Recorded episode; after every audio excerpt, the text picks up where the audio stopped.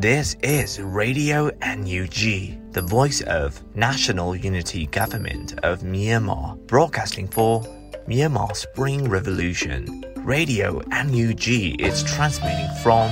shortwave 16 meter 17.79 megahertz at 8:30 a.m. and 25 meter 11.94 megahertz at 8:30 p.m. Myanmar Standard Time. မင်္ဂလာပါခင်ဗျာ အမျိုးသားညီညွတ်ရေးအစိုးရရဲ့အတန်လွင့်ဌာန Radio NUG ကိုမနက်ပိုင်း၈နာရီခွဲမှာလိုင်းတို16မီတာ7.3 MHz ညပိုင်း၈နာရီခွဲမှာလိုင်းတို25မီတာ17.6 MHz တို့မှာဓာတ်ရိုက်ဖမ်းယူနိုင်နိုင်ပါပြီမင်္ဂလာအပေါင်းနဲ့ပြည့်စုံကြပါစေအခုချိန်ကစပြီး Radio NUG အစီအစဉ်တွေကိုဓာတ်ရိုက်အတန်မြင့်ပေးနေပါပြီ။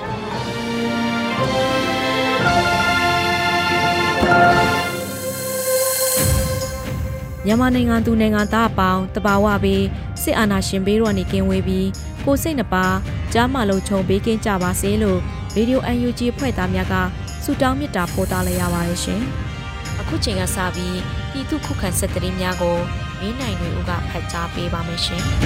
။ပထမအဆုံးအနေနဲ့ရေပြူတွင်ရဲစခန်းနဲ့တကြံမတ်တကြားရှိလုံခြုံရေးယူထားတဲ့ဂျမ်ဘတ်စစ်ကောင်စီဝင်များဒရုန်းဖြင့်တိုက်ခတ်ခံရတဲ့တဲ့ရင်တင်ဆက်မှာပါ။ တနင်္လာရီတိုင်းတဝဲခရိုင်ရေပြူမြို့နယ်ရှိရဲစခန်းနှင့်တကြံမနက်ကြားတွင်လုံခြုံရေးယူထားတဲ့အကြမ်းဖက်စစ်ကောင်စီဝင်များကိုယနေ့ဧပြီလ15ရက်နေ့နနက်8နာရီခွဲအချိန်တွင်ဒရုန်းမှတဆင့်တိုက်ခတ်ခဲ့ကြောင်းရေပြူ People Defense for YPPDF ကသတင်းထုတ်ပြန်ပါတယ်။အကြမ်းဖက်စစ်ကောင်စီဝင်များလုံခြုံရေးယူနေစဉ်ရေပြူမြို့နယ်ပြည်သူ့ကာကွယ်ရေးအဖွဲ့သားများမှဒရုန်းတွင်လက်လုံပုံးသည့်တပ်ဆင်ကမိုင်းခွဲတိုက်ခတ်ခဲ့ခြင်းဖြစ်ကြောင်းထုတ်ပြန်ချက်တွင်ပါရှိပါတယ်။ ဒရုန်းဖြင့်တိုက်ခတ်ခံရတဲ့အကြမ်းဖက်စစ်ကောင်စီဝင်များဟာဘုံပေါက်ကွဲပြီးချိန်တွင်နိစရသို့ရန်တမ်းပစ်ခတ်ခြင်းများလှုပ်ဆောင်ခဲ့ပြီးရေပြူမြို့နယ်မန်တပ်ကိုရှင်းနာလိုက်ကြောင်းသိရှိရပါတယ်။ထိကြိုက်ကြရှုံမှုသတင်းကိုအတိအကျမသိရှိရသေးပါဘူး။ဆက်လက်ပြီးခေဦးရက်စကန်နဲ့မရောင်းလာရွာရှိစစ်ကောင်စီပြူစော်တီပူပေါင်းအဖွဲ့ဒရုန်းဖြင့်ဘုံကျဲခံရတဲ့သတင်းတင်ဆက်မှာပါ။စကိုင်းတိုင်းရွှေဘိုခရိုင်ခေဦးမြို့နယ်ရှိ ခေဦးမြို့မှာရဲစခန်းနဲ့မရောင်းလာကျွရရှိအကြံဖက်စစ်ကောင်စီတပ်ပြူစော်တီပူပေါင်းတပ်ဆွဲထားတဲ့နေရာများကို Ryan တိုက်ကဂလီလာ4အဖွဲ့ကယမန်နေ့ဧပြီလ14ရက်နေ့တွင်ဒရုန်းဖြင့်ဘုံကျဲတိုက်ခတ်ခဲ့ပြီးစစ်ကောင်စီတပ်ဖွဲ့ဝင်3ဦးထိခိုက်ဒေဆုံးနိုင်ကြောင်းသတင်းရရှိပါသည်။နောက်ဆုံးအနေနဲ့မြင်းကြံဘဟုမန်တပ်အဆောင်တပ်ကိုဒေသ PDF ပူးပေါင်းအဖွဲ့ကမိုင်းသုံးလုံးခွဲ73ထိခိုက်ဒဏ်ရာရတဲ့သတင်းတင်ဆက်မှာပါ။ မန္တလေးတိုင်းမြင်းကြံမြို့ကစစ်ကောင်တီတကြံဘုံမန္တကိုတကြံကြတဲ့ဧပြီလ14ရက်မနေ့ကမနက်7:00နာရီမိနစ်40လောက်မှာဒေသ PDF ပူးပေါင်းအဖွဲ့ကမိုင်းသုံးလုံးဖြင့်ဖောက်ခွဲခဲ့ကြတာဖြစ်ပါတယ်စစ်ကောင်စီတွေပြူတွေဒလန်တွေအပြင်ခန္ဓာတပွဲစနိုက်ပါဘန်ကာနဲ့ကင်းပုံတွေအထက်ထက်ချထားတဲ့နေရာကိုအဝေးထိန်းစနစ်နဲ့ခွဲခဲ့တာလို့ဆိုပါတယ်ဖောက်ခွဲပြီးမှစစ်ကောင်စီတွေကရန်တမ်းပစ်ခတ်မှုများပြုလုပ်ခဲ့ပြီးဖောက်ခွဲမှုကြောင့်စစ်ကောင်စီအဖွဲ့ဝင်73ဦးလောက် ထိကြိုက်ဒဏ်ရာပြင်းထန်ရရှိက27 Revolution 4အဖွဲ့ကတော့မိုင်းတွေကြံနေသေးတာကြောင့်ပြည်သူတွေအနေနဲ့ဘိုးမတ်တဲ့အနည်းကဖြတ်တန်းသွားလာတာတွေမပြုလုပ်ကြဖို့လဲသတိပေးထားပါသေးတယ်ခင်ဗျာ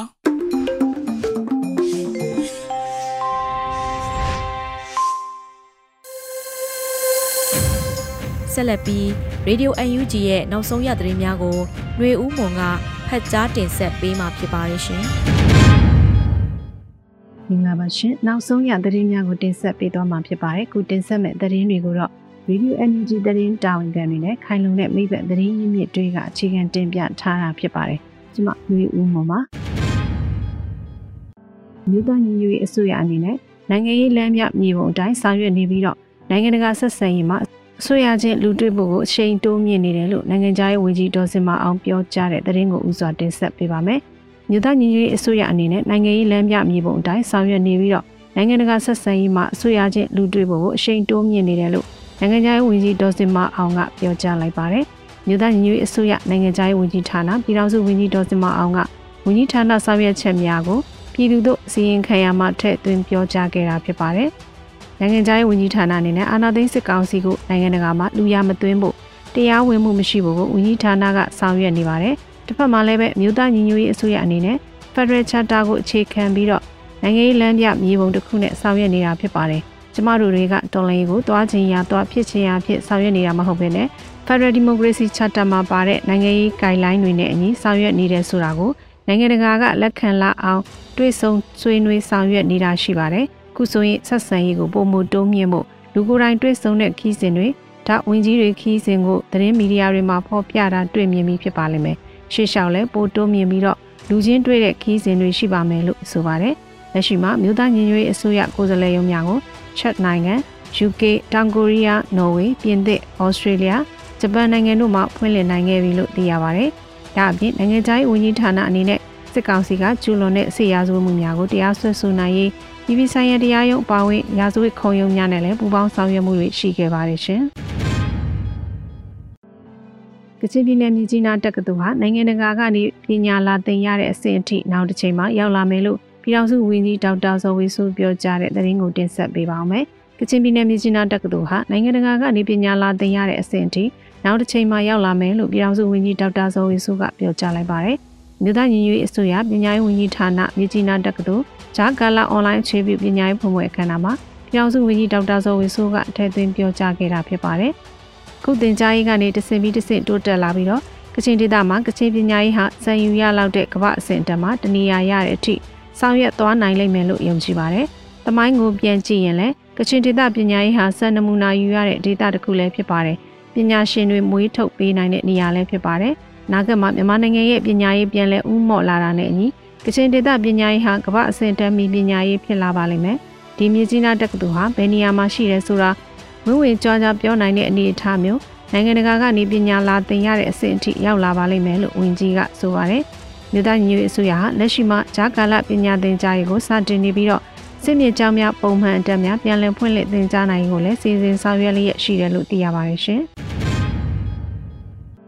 တက္ကသိုလ်ကောင်စီနဲ့ဆရာကျောင်းသားသမဂ္ဂများအားလုံးနဲ့တိုင်ပင်ပြီးတော့အများကလက်ခံမဲ့ပညာရေးအစီအစဉ်တွေလှုပ်သွားဖို့ရှိတယ်လို့ မြို့သားညီညွတ်ရေးအစိုးရကပညာရေးဒုဝန်ကြီးအသိပေးပြောကြားတဲ့သတင်းကိုတင်ဆက်ပေးပါမယ်။တက္ကသိုလ်ကောင်စီနဲ့ဆရာကျောင်းသားသမဂ္ဂများအားလုံးတိုင်ပင်ကအများကလက်ခံမဲ့ပညာရေးအစီအစဉ်တွေလှုပ်ဆောင်သွားဖို့ရှိတယ်လို့မြို့သားညီညွတ်ရေးအစိုးရကပညာရေးဒုဝန်ကြီးကအသိပေးပြောကြားလိုက်တာဖြစ်ပါတယ်။မြို့သားညီညွတ်ရေးအစိုးရပညာရေးဝန်ကြီးဌာနမြင်းကျင်းတက္ကသိုလ်ဂျာကာလာအွန်လိုင်းအခြေပြုပညာရေးဖွံ့ဖြိုးအခမ်းအနားမှာဒုဝန်ကြီးဒေါက်တာစိုင်းခိုင်မျိုးထွန်းကပြောကြားခဲ့တာပါ။ လက်တလုံးမှာတက္ကသိုလ်ကောင်စီအားလုံးနဲ့ဆရာသမဂ္ဂကျောင်းသားသမဂ္ဂတွေနဲ့ဆွေးနွေးတိုင်ပင်ပြီးအများကလက်ခံမဲ့တော်လှန်ရေးကိုအင်အားရှိစေမဲ့ပညာရေးအစီအစဉ်တွေလုပ်သွားဖို့ရှိပါတယ်။ကျောင်းသားအာမခံမှုဆရာအာမခံမှုကိုတေချာလေးသွားရမယ့်အနေအထားရှိနေပါတယ်လို့ဝန်ကြီးကဆိုပါတယ်။လက်တလုံးမှာပုံမှန်တင်နန်းများပြန်လည်ဖွင့်လှစ်ရေးအပြင်ထက်တန်းအောင်မြင်ပြီးသားကျောင်းသားများအတွက်သင်ယူရေးတော်လှန်ရေးဘက်မှရက်တည်တော့ပြည်သူများပညာသင်ကြားနိုင်ရေးတွေကိုအဓိကထားဆောင်ရွက်နေရလို့သိရှိရပါတယ်ရှင်။ စစ်တပ်ကအာဏာသိမ်းမှုကြောင့်တိုင်းပြည်ဟာကြာရှုံးနိုင်ငံဖြစ်သွားပြီလို့ဆိုတဲ့သတင်းကိုတင်ဆက်ပေးပါမယ်ရှင်။စစ်တပ်ကအာဏာသိမ်းမှုကြောင့်တိုင်းပြည်ဟာကြာရှုံးနိုင်ငံဖြစ်သွားပြီလို့မြောက်တကုတ်အမတ်ဒေါက်တာဘိုင်အိုကဆိုလိုက်ပါတယ်။ဧပြီ15ရက်ဆက်သွယ်မြင့်မြတ်ရမှာရန်ကုန်တိုင်းဒေသကြီးဒဂုံမြို့သစ်မြောက်ပိုင်းမြို့နယ်အမှတ်နှစ်တိုင်းကိုယ်စားလှယ်ဒေါက်တာပိုင်အိုကပြောဆိုလိုက်တာပါတိုင်းပြည်ကရှင်းရှင်းပြောရရင်ကြာရှုံးနိုင်ငံလုံးဝဖြစ်သွားပြီကမ္ဘာဖွံ့ဖြိုးမှုအနေဆုံးနိုင်ငံကနေယုံထားဖို့တောင်ကျွန်တော်တို့ NLD ဆိုရလက်ထက်မှာအပြင်းအထန်စူးစမ်းခဲ့ရတယ် လူမြောက်ဖို့လက်မတင်လေးဗျာဒီအမှောင်နူတွေကထွက်ပြီးတွင်းဝါကိုရောက်ပြီးအလင်းရောင်ကိုမြင်နေရပြီအဲ့ဒီအချိန်မှာပြန်တွန်းချလိုက်တာဟိုးအောက်ကိုရောက်သွားတယ်လို့ပဲခုလက်ရှိတိုင်းပြည်ကတော့ကြာရှုံးနိုင်ငံဖြစ်နေပါပြီလို့ဆိုပါတယ်2021ခုနှစ်ဖေဖော်ဝါရီလရက်နေ့မှာစစ်တပ်ဟာ2020ရွေးကောက်ပွဲရလက်အကြောင်းပြပြီးနိုင်ငံတော်အာဏာကိုသိမ်းယူခဲ့ပါတယ်။လက်ရှိမှာစစ်ကောင်စီဟာအရက်သားတထောင်ကျော်ကိုဖမ်းဆီးချုပ်နှောင်ထားပြီးတော့ထောင်နဲ့ချီကိုပြစ်ခတ်တပ်ဖြတ်ခဲ့ကြပါတယ်ရှင်။ WY စစ်ကြောစီပြများ180ကျော်ဖမ်းဆီးရမိတယ်လို့ညောင်မြို့နယ်ပြည်သူ့ကာကွယ်ရေးနှင့်လုံခြုံရေးအဖွဲ့ CDSOM ထုတ်ပြန်တဲ့သတင်းကိုတင်ဆက်ပေးပါောင်းမယ်။ WY စိတ်ကြွစေပြများ180ကျော်ဖမ်းဆီးရမိတယ်လို့ညောင်မြို့နယ်ပြည်သူ့ကာကွယ်ရေးနဲ့လုံခြုံရေးအဖွဲ့ CDSOM ကထုတ်ပြန်လိုက်ပါတယ်။ဧပြီ15ရက်ထုတ်ပြန်ချက်အရစကိုင်းတိုင်းမြောင်မြို့နယ်မှာစိတ်ကြွဆေးပြားများတရားမဝင်မှုရေးဆေးဝါးများရောင်းချနေမှုသုံးဆွဲနေမှုအားကာကွယ်တပ်များကဖမ်းဆီးရမိခဲ့လို့ဖော်ပြပါတယ်။ဖမ်းဆီးသိမ်းဆည်းမှုတွေ ပန်းရောင်ဆေးပြား180ပြား၊စိန်ရောင်3ပြား၊သုံးဆွဲလက်စပိုက်ဆေးပြားတစ်ပြားနဲ့ငွေသား၄သိန်း9000ကျပ်နဲ့ရောင်းသူဝယ်သူအသုံးပြုသူများကိုထိမ့်သိမ်းထားတယ်လို့သိရပါတယ်။ယခုမိုးရေစေဝါကိစ္စဖမ်းဆီးနိုင်ခြင်းများအတွက်ညောင်မြို့နယ်ပြည်သူ့ကာကွယ်ရေးနှင့်လုံခြုံရေးအဖွဲ့ CDSOM ပြည်သူ့တပ်မတော်မြောင် MUA PDF တလုံးနဲ့စကိုင်းခရိုင်တရင်1နှစ်တက်ခွဲ3တို့မှပူးပေါင်းဆောင်ရွက်ခဲ့တာပဲဖြစ်ပါတယ်။ စီးပွားပြက်လောက်စေတဲ့လောင်ကစားမှုများပြုလုပ်ခြင်းမူရည်စေဝါများရောင်းဝယ်ခြင်းသုံးစွဲခြင်းများကို NUG MOD ဌာနရဲ့လမ်းညွှန်မှုတိုင်းဖန်ဆီးရေးယူမှုများဆက်လက်လှုံ့ဆော်သွားမှာဖြစ်ကြောင်းအသိပေးအပ်ပါတယ်လို့မြောင်မြို့နယ်ပြည်သူ့ကာကွယ်ရေးနှင့်လုံခြုံရေးဖွဲ့ CDSOM ကဆိုပါတယ်ရှင်။ကလေးမျိုးနယ်မြောင်ဒေသတွင်စစ်တပ်ကအရသားနှုတ်ကိုတပ်ဖြတ်မိရှုခဲ့တဲ့တဲ့ရင်ကိုတင်ဆက်ပေးပါောင်းမယ်။စကိုင်းတိုင်းကလေးမျိုးနယ်မြောင်ဒေသမှာစစ်တပ်ကအရသားနှုတ်ကိုတပ်ဖြတ်ပြီးတော့မိရှုခဲ့တယ်လို့တဲ့ရင်ရရှိပါတယ်။ ဧပြီ15ရက်နေ့မှာဖြစ်စဉ်ကိုနိုင်ငံရေးအကျဉ်းသားများကူညီဆောက်ရှောက်ရေးအသင်း AABB မှဆိုပါတယ်။ဧပြီလ12ရက်နေ့နံနက်ပိုင်းတွင်စကိုင်းတိုင်းဒေသကြီးကလေးမြို့နယ်နတ်မြောင်ကျေးရွာမှာကိုခိုင်လင်းသူဟာကလေးမြို့ကိုစိုက်ကယ်နဲ့သွားစဉ်စီတာကျေးရွာအနီးမှာကင်းလှည့်နေတဲ့အကြမ်းဖက်စစ်တပ်အုပ်စုနဲ့တူပြီးဖမ်းဆီးတပ်ဖြတ်ခြင်းကိုခံခဲ့ရတယ်လို့သိရှိရပါတယ်။ကိုခိုင်လင်းသူရဲ့ရုပ်လောင်းကိုလည်းစစ်ကောင်စီတပ်ကမီးရှို့သွားခဲ့ပါတယ်။အလားတူမွန်းလွဲပိုင်းမှာလည်းအကြမ်းဖက်စစ်အုပ်စုရဲ့တပ်မှနတ်မြောင်ကျေးရွာမှာရှိတဲ့နေအိမ်အတွင်းကို ဖောက်ထွင်းဝင်ရောက်ပြီးနေအိမ်အတွင်းမှာပိတ်မိနေတဲ့အသက်60ကျော်အရွယ်ဦးထေဝင်းကိုဖမ်းဆီးတပ်ဖြတ်ခဲ့တယ်လို့သိရှိရပါတယ်။လက်နောက်ပြန်ကျိုးတုပ်ပြီးဓာတ်ဒဏ်ရာနဲ့သေဆုံးနေတဲ့ဦးထေဝင်းရဲ့ရုပ်လောင်ကိုဒေသခံများကတွေ့ရှိခဲ့ခြင်းဖြစ်တယ်လို့သိရပါတယ်။ဆီယနာရှင်တော်လန်ရေးနယူးတော်လန်ကာလအတွင်းကြာဆုံးခဲ့ရသူစုစုပေါင်းမှာယမန်နေ့အထိ1956ဦးရှိခဲ့ပြီဖြစ်တယ်လို့သိရပါတယ်ရှင်။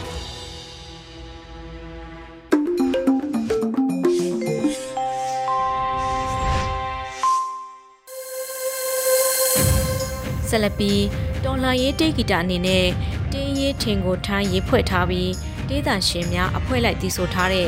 CDF မတူပီဆိုတဲ့တခြင်းကိုနားတော်တာဆင်ကြပါရှင်။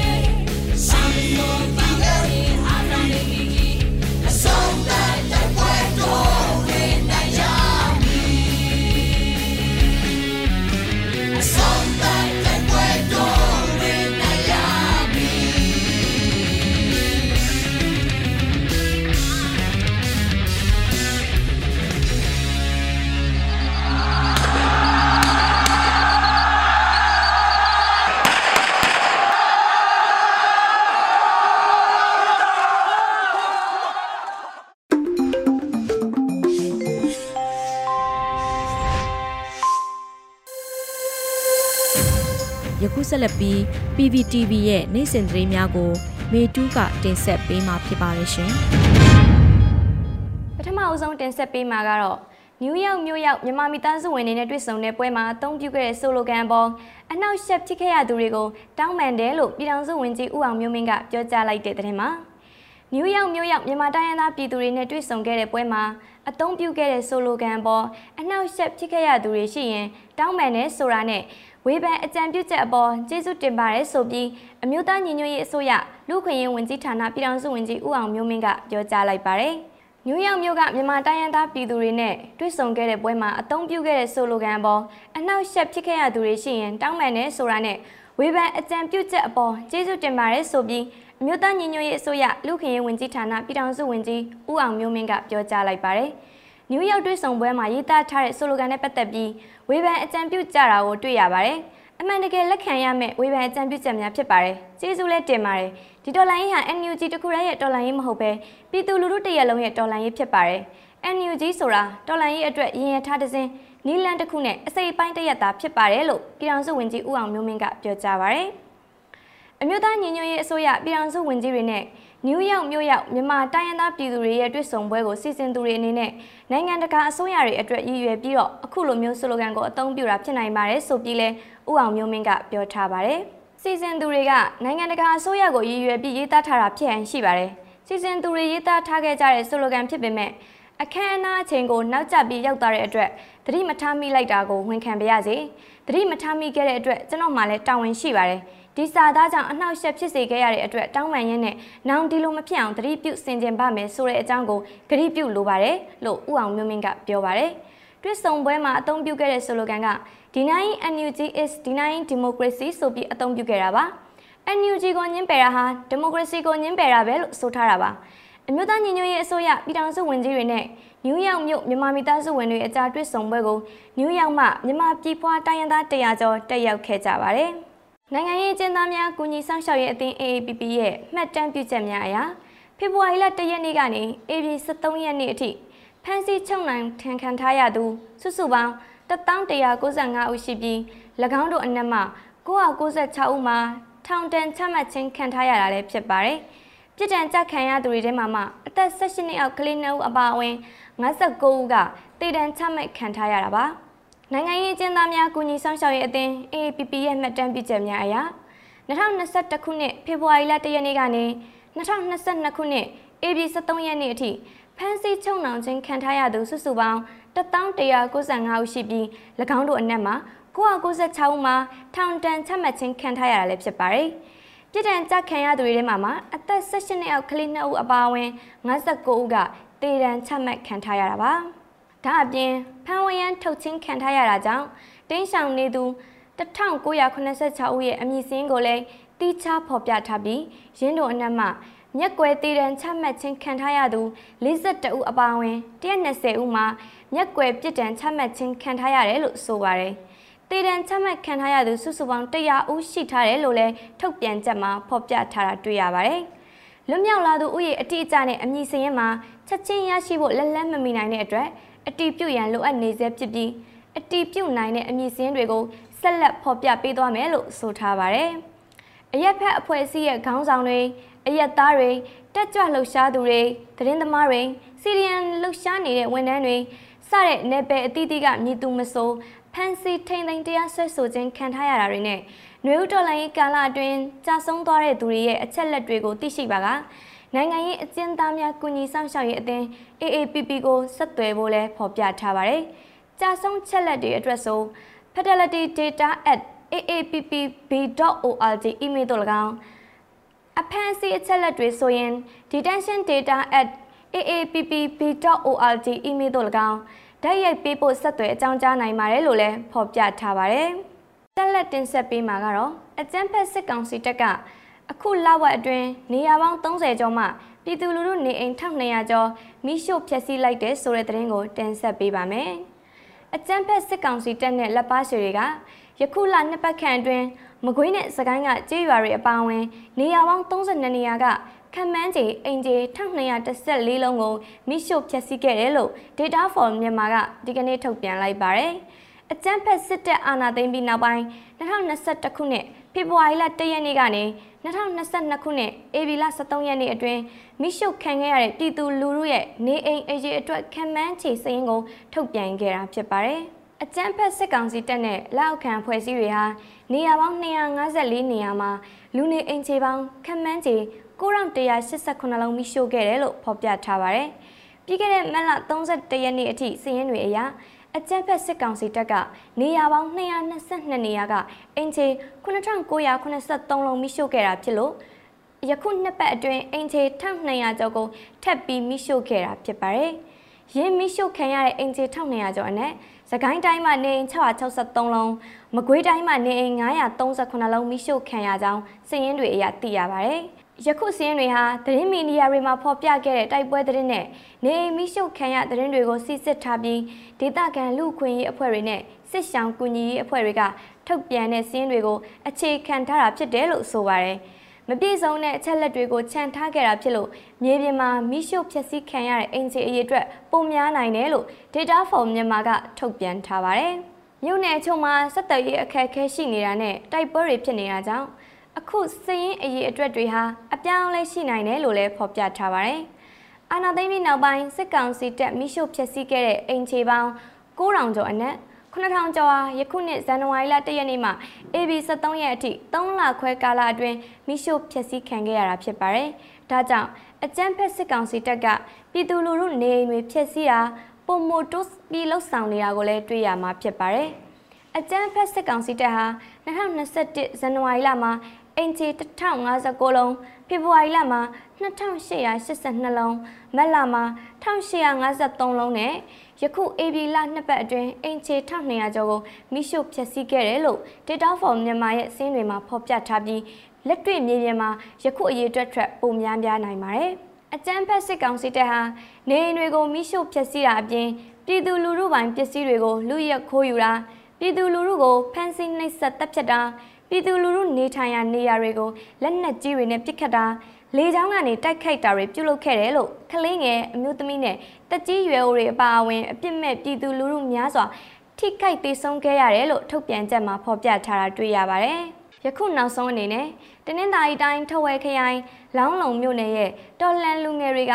မင်းအောင်လိုင်ခေါင်းနဲ့ဇော်မင်းထွန်းခေါင်းတွေကိုပုံစံတူပြုတ်လုပ်ပြီးမိရှို့တဲ့ဆန္ဒပြတပိတ်ကိုဒီကနေ့မနက်မှာပြုတ်လုပ်ခဲ့ကြပါတယ်။ ဆန္ဒပြပွဲကိုလောင်းလုံမြို့နယ်လုံးဆိုင်ရာအခြေခံပညာကျောင်းသားများတက်မကကဥဆောင်ပြီးအမျိုးသမီးတွေလူငယ်တွေနဲ့ LGBT ကျူတွေစုပေါင်းပြုလုပ်ခဲ့ကြတာဖြစ်ပြီးတော့အပျော်တင်ကြံဒိုချင်းဆန်တော်လန်တင်ကြံပြည်သူအတန်းဆိုပြီးကြွေးကြော်တန်တွေဟစ်ကြွေးပြီးတော့လဲဆန္ဒပြတပိတ်ကိုပြုလုပ်ခဲ့ကြတာဖြစ်ပါတယ်။ မန္တလေးမြို့မှာရဟန်းရှင်လူတွေစုဝေးပြီးတော့ဒီနေ့ကြာရောက်တဲ့တကြံအကြက်နေမှာအပျော်တကြံတွညင်းဆန်ဆိုတဲ့ဟစ်ကျွေးတန်နေနဲ့အဖန်စီများကြားတဲ့ကချစ်တက်ဆန္ဒပြတပိတ်မှောက်ခဲ့ကြပါတယ်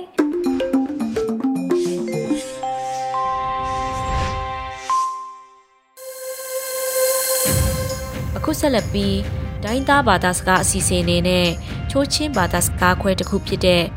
ဒိုင်းဘာသာစကားဖြစ်သတင်းထုတ်လွှင့်မှုကို တင်ဆက်ပေးမှာဖြစ်ပါတယ်ရှင်။ဒီအစီအစဉ်ကို Radio UNG နဲ့ချိုးချင်းဘာသာစကားထုတ်လွှင့်မှုအစီအစဉ်ဖွဲ့တော့ပူးပေါင်းထုတ်လွှင့်တာဖြစ်ပါတယ်ရှင်။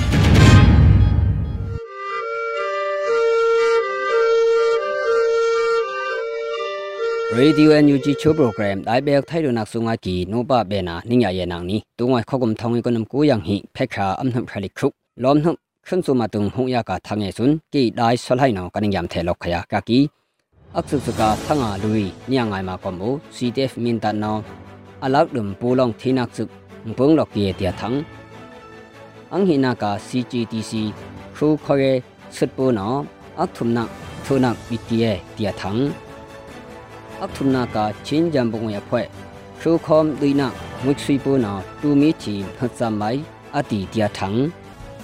နာဘီတီယေတျာသံအခထုမနာကာချင်းဂျမ်ဘုံရဖွဲ့ခူခေါမ်ဒွိနာမုတ်ဆွီပူနောတူမီချီဖတ်စမိုင်အတီတျာသံအခုနာကကြောက်ချူအမြောက်ဆေစဘူနောမင်တန်ဟေတာဆန်ဟက်ဒမ်ကပ်ဟုကီတျာသံအမ်ဟနာကဘပေယာဆေစပူနောအနိလုံအောင်အနိဟွိုင်နွန်ဝိုင်တီလူအမေရိကန်ယာအင်တီယာနောအနိပန်တျာသံနိယငိုင်ခယေကကီနီအခစကသံနိငိုင်ဘေကွန်ဘူ CTF မင်တနောအလောက်ဒမ်ပူလောင်ထိနာကစုစွန်ဖက်ခါအမ်နှမ်ခလီယာတုံပုံလော့ကေကကီအဆူဝါ thina punglok kieng ส ทีนักปงหลอกเกียงสมดันสิงกงพิวหายาเปอลูยังดุยลูงุยชุนยากูเอเกียยาเยเอนีติลูอันนี้เป็นทางหัวกักกินีอังหินากะทังนิงายเบกอมูครูคอยชุดปูชินอมยูตาตับปองสุซีจีตีซีนอเพคาอัมนับคราคุคาลิงฮีวีทุนักบิเกียกักกีอสุอาเซซาปูอาอานาอดุดไวครูคอปุนปุตอุบอีไว တီယာထုမဲထုတ်ကေကကီ CGTC ယာအပူခလိခန်ပွီဥလူအန်ဒနာခရုကိယမ်ဟာကာကေကကီ ZRO ZRE ဆုနောခရုခရန်ယမ်ခုမ်ဟီကီဆက်ဆာဒံပွိကီတီတင်ယာတွန်ဆာနုံကာ CGTC ဒါပွိကီအမေအဆုနာဖခရက်ဆေယာဆွီဝိုင်းနီတီလို CGTC နောအပနာကကီ CGTC နောဆက်စပူနောအဘီတင်တာခုတ်ကိုဘီဝိုင် ခိုခောဒိဘေဝိုင်လမုံစစ်ကီယာကကီအဆွန်ယာနမခပ်ကီအအိုဖီတုတ်ဝိုင်တီယာ CGTC နောခူအမ်ခါကကီနီအခုမနကထန်းနိငိုင်ဘေကောမူခူရက်စတုံဆုမ်အီဝိုင်ငွေရဖု Chain Relief Funding Program CRFP နော်တူမီတီစမ်မိုက်တီယာဖက်ခါခလီယမ်နှုပုံသံအပရာကကီနီအဆုနုံရာအငွေခொနဆေယာခိုင်နုံခုကိပနုတ်ွန်းခရိုရက်ဆွတ်ကီယေပူ CTMA ငွဆွန်းပုံဖန်အကီယေဖုဆုမ်အီဝိုင်တီယာအနိ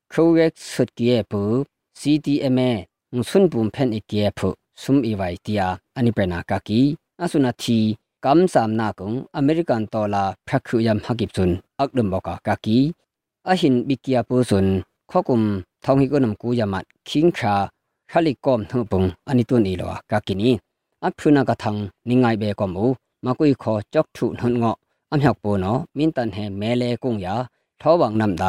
ကထံနိငိုင်ဘေကောမူမကွိခောကြောက်ထုနှွန်ငောအမြောက်ပိုနောမင်တန်ဟဲမဲလေကုံယာထောဝငနမ်ဒါဖက်ခါအမ်နှုခလိမ်ဟမ်နှုငွိုင်လမ်ခောပရာငါစန်ဟက်ဒုမ်ကဘုကီယာကကီ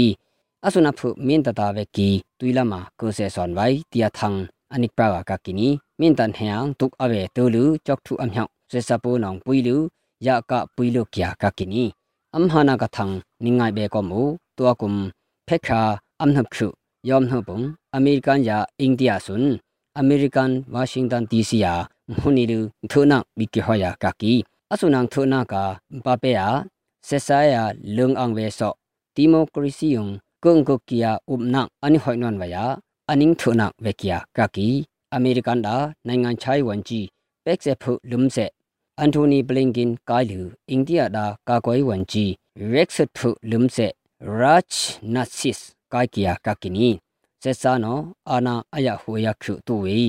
ခန်းတောက်ထုံယာထောက်ဖြူထောင်းကုမ်ဥလူ ဆက်ရာချ်နတ်စစ် kai kia kakini sesa no ana aya huya khu tu wi khang tok thum ya thok phu thong kum ulu asean khum kha na ma chun sesa pu no ani hoi peta kaki asuk ba sesa pu ku ani be so wai dim na ka lamang ani po pen wai sun ahina khong peng hi no ani pena kakini sunga ki no pa be na ningya ye na ni lobe tu ki khun sum တူတီလောမ်ထပါနင်းခုမ်ဘေတုကမူ ဒီကနေ့ကတော့ဒီညနေပဲ Radio NUG ရဲ့အစည်းအဝေးကိုခਿੱတရနာလိုက်ပါမယ်မြန်မာစံတော်ချိန်မနက်၈နာရီခွဲနဲ့ည၈နာရီခွဲအချိန်တွေမှာပြန်လည်ဆုံးဖြတ်ကြပါစို့ Radio NUG ကိုမနက်ပိုင်း၈နာရီခွဲမှာလိုင်းဒို16မီတာစက္ကန့်တသမ9 MHz ညပိုင်း၈နာရီခွဲမှာလိုင်းဒို25မီတာ17.6 MHz တို့မှာဓာတ်ရိုက်ဖမ်းယူနားဆင်နိုင်ပါပြီမြန်မာနိုင်ငံသူနိုင်ငံသားများကိုစိတ်နှပြကျန်းမာချမ်းသာလို့ ဘေးကင်းလုံခြုံကြပါစေလို့ Radio NUG အဖွဲ့သူအဖွဲ့သားများကဆုတောင်းလိုက်ရပါတယ်။အမျိုးသားညီညွတ်ရေးအစိုးရရဲ့စက်သွေးရေးတရင်အချက်အလက်နဲ့ဤပညာဝန်ကြီးဌာနကထုတ်လွှင့်နေတဲ့ Radio NUG ဖြစ်ပါတယ်။ San Francisco Bay Area အခြေစိုက်မြန်မာမိသားစုများနဲ့နိုင်ငံတကာကစေတနာရှင်များလုပ်အားပေးများရဲ့ Radio NUG ဖြစ်ပါတယ်။အရေးတော်ပုံအောင်ရမည်